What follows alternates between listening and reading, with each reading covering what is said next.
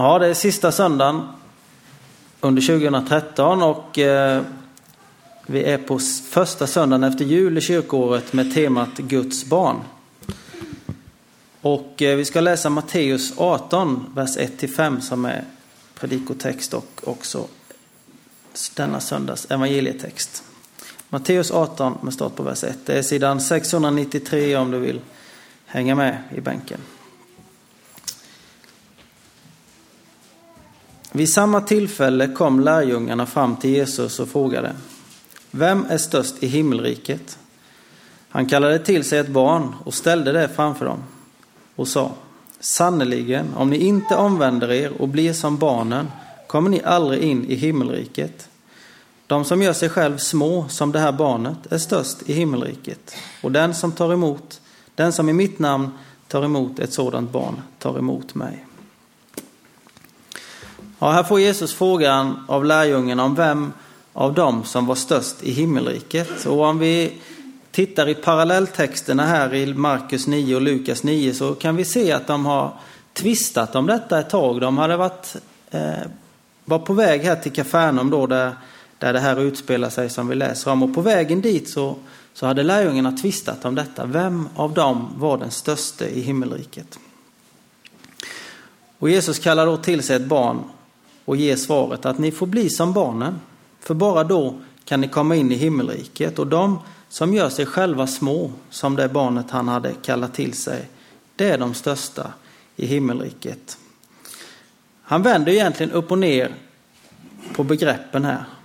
Lärjungarna hade pratat och tvistat utifrån ja, den samhällsordning som de var vana vid, som de levde i, som var byggd på hierarkier och positioner och att det gällde att ta sig fram och bli någon i samhället.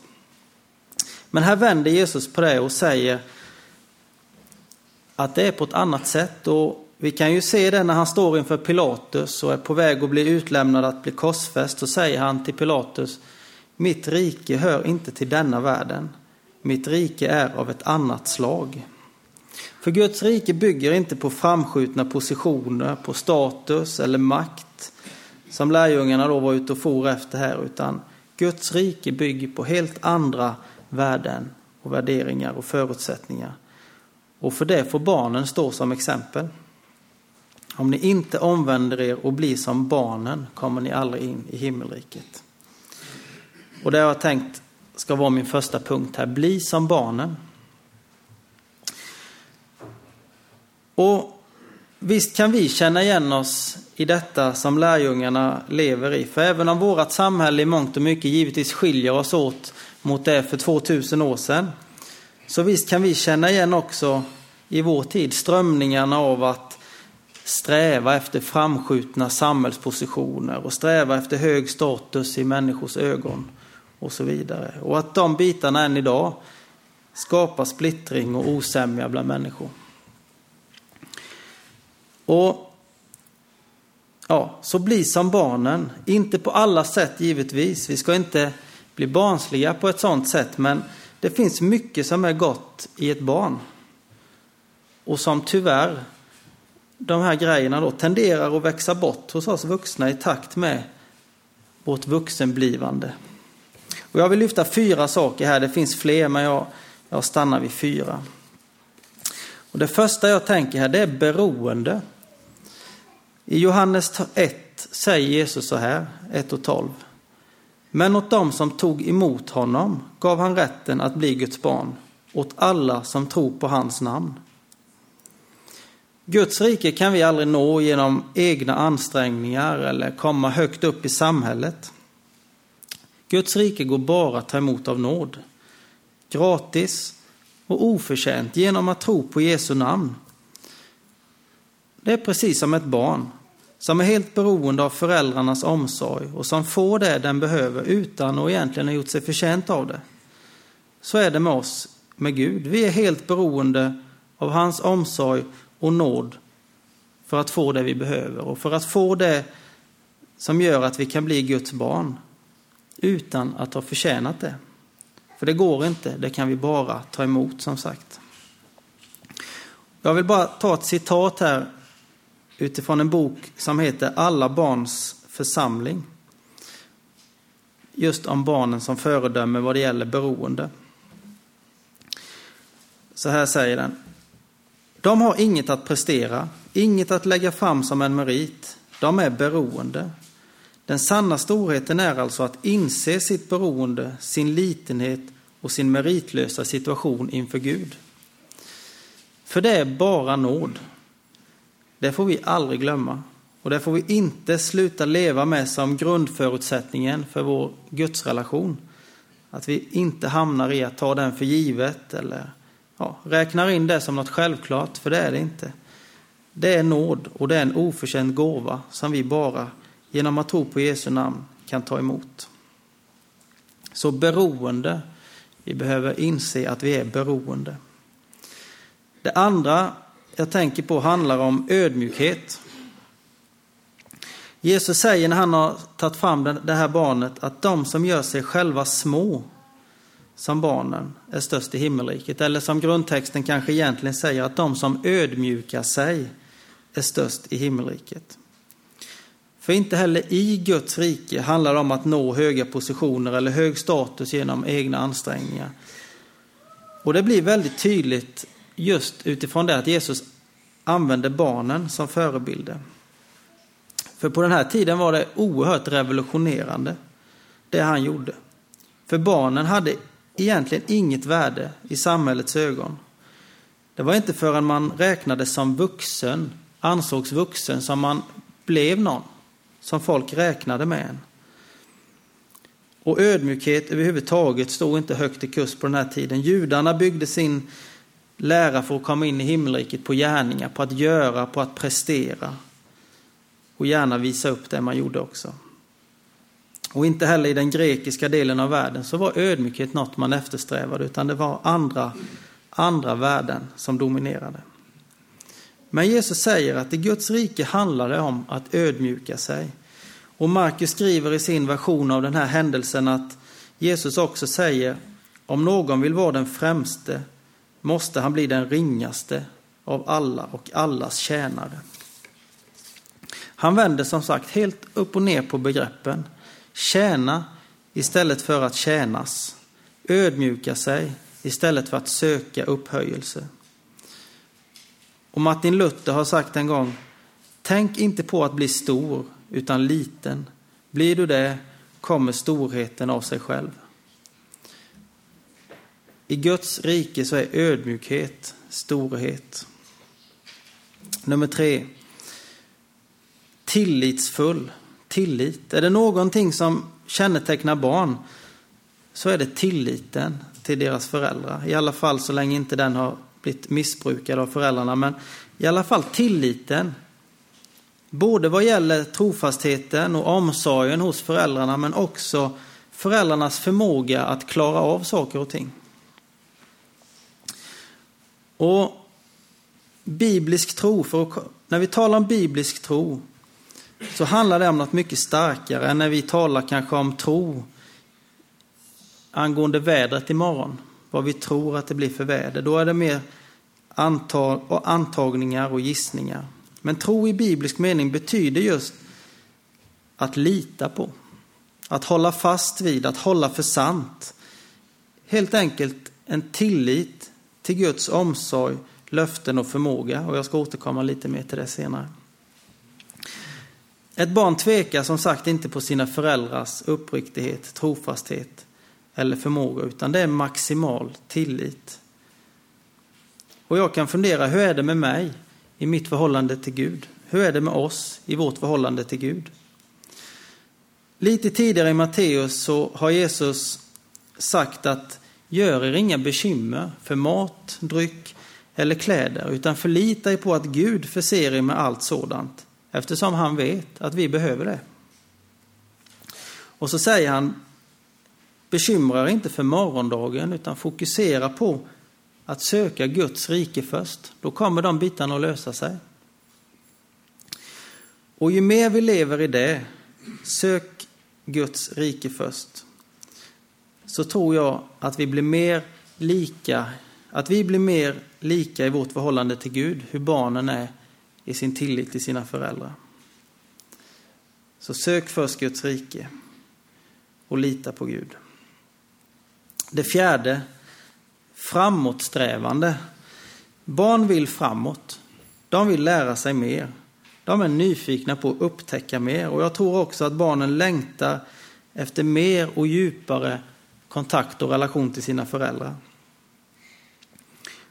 Och inte heller vi blir färdiga i vår relation med Gud. Det finns alltid mer att få, alltid mer att lära känna, alltid mer att upptäcka och uppleva. Och ju närmare vi kommer Gud, ju närmare vi kommer källan, ju godare smakar vattnet. Men det gäller att hålla sig till rätt källa här, för det finns många källor idag som lockar med sitt vatten. Jag läste senast igår i JP en artikel eh, med rubriken att vi dyrkar kroppen mer än Gud. Och den handlar om att idag söker vi svaren på livets frågor på andra ställen än hos Gud.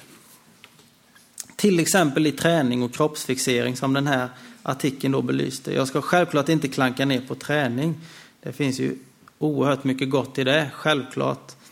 Jag fick uppleva det under julen här nu där jag spelade badminton med mina bröder att hade jag tränat lite så hade det nog varit lite roligare. Men så är det. I alla fall, det kan bli för mycket träning var det den här artikeln ville belysa. Och det kan bli för mycket av annat också tänker jag, för det handlar givetvis inte bara om träning. Eh, men är det någonting som blir det mest centrala i vårt liv, den källan som vi så att säga har i grund och botten, då har det tagit Guds plats. Sök först Guds rike, sa Jesus. Och i den här artikeln då så säger Magnus Karlsson, som bland annat är fystränare i HV, vilket idag inte är så mycket att skryta med, men han är ju det i alla fall. Så säger han att kroppsträning in absurdum kan vara en brist på andlig mening i, i livet. Blir det liksom för överdrivet, då kan det tyda på att man saknar andlig mening i sitt liv, enligt honom. Och jag tänker att det visar på då om vi har Gud som källa för vårt liv eller något annat. För det finns inget annat än Gud som kan erbjuda liksom tillfredsställelse för den, vår allra innersta längtan och inte heller något annat som kan erbjuda oss ett evigt liv. Så drick ur rätt källa och sträva efter att komma så nära källan det bara är möjligt. För det kan aldrig bli för mycket av Gud i ens liv. Och så här skriver Paulus i Kolosserbrevet 2. Ni har lärt känna Herren Kristus Jesus. Lev då i honom, med rot och grund i honom, allt fastare i den tro som ni har undervisats i och låt er tacksamhet överflöda. Lev och rota er allt fastare i Jesus som ni har lärt känna. Det är någonting som pågår. Något som fördjupas, liksom. en, en rörelse. Det är inte något statiskt och något som vi blir färdiga med, utan hela tiden en rörelse mot en djupare och fastare relation med Jesus. Det finns alltid mer att få. Sen har jag en punkt som handlar om Gud som far. Jag ska inte bli jättelångrandig under den punkten, men jag vill ändå nämna lite kort om det. För är vi hans barn så är han vår far. Det är logik. Men det jag egentligen vill trycka på mest här och det som jag tycker jag vill belysa med den här punkten handlar om att eftersom det är just Gud som är vår far så håller det att ta barnen till föredömen och låta tron präglas av beroende, ödmjukhet, tillit och en strävan efter mer av honom. För han själv är så att säga garanten för det. Det finns många jättebra föräldrar idag på vår jord. Men ändå så finns det ingen som ens i närheten kan mäta sig med Gud som förälder. Så av den anledningen så kan vi göra just det här, bli som barn, för Gud håller att göra det med. Och jag vill bara lyfta några exempel hos Gud som visar på det. Han är obegränsad. Ingenting är omöjligt för honom. Jesus säger det på flera ställen att för Gud är allting möjligt. Hans förmåga att förmå saker, klara av saker, behöver vi inte tvivla på det minsta. Han är obegränsad och därmed mäktig att klara allt och hålla allt vad han har lovat. För han är också trofast. Han överger oss aldrig och hans löften består. Vi kan läsa en sal i psalm 33 av David att Herrens ord är att lita på. Han handlar alltid trofast. Rätt och rättfärdighet älskar han. Herrens kärlek fyller hela jorden. För hans löften håller som sagt att lita på. Vi hörde Åke läsa från Romarbrevet 8 om någonting som vi får lita på. Att det inte finns någonting i den här tiden som betyder något i jämförelse med den härlighet och frihet som ska uppenbaras för oss som är Guds barn. När vi förhärligas, när Jesus kommer tillbaka och himmelriket kommer fullt ut och vi får vara med om det för evigt. Det är det som är vårt arv eftersom vi också är Guds arvingar som vi hörde från Romarbrevet. Och det är ett löfte som vi får leva på. Att ingenting här kan gå upp mot det vi har att vänta. Det som Gud har lovat ska komma. För oss som är Guds barn givetvis. Och så vill jag också säga att han är omsorgsfull och kärleksfull. Och jag bara kopplar tillbaka igen till Jesu undervisning om att inte göra sig bekymmer för morgondagen. Utan att istället förlita sig på Guds omsorg. För han älskar oss mer än något annat. Och det är ju om inte annat julen ett bevis på, där vi har fått fira att Gud sände sin son ner hit till jorden med syftet att se sådär 33 år senare dö på ett kors för vår skull. Så mycket längtar Gud efter oss, efter att vi ska bli hans barn. Och vi sjöng precis här i Tryggare kan ingen vara att hans mål är blott det ena, barnets sanna väl alena. Gud är omsorgsfull och kärleksfull. Och allra sist här så vill jag bara stämma in i Johannes ord från första Johannes 3 och 1. Om att vilken kärlek har inte Fadern skänkt oss när vi får heta Guds barn. Vilken kärlek har inte Fadern skänkt oss när vi får heta Guds barn. Det finns inget bättre du kan ta med dig in i 2014. Amen, vi ska be. Ja, tack Gud att du är vår far. Hjälp oss att vara dina barn på ett sätt som ja, är beroende, som är ödmjukt, som är tillitsfullt och som strävar efter mer av dig, Herre. Och tack att du som far är garanten på att det håller.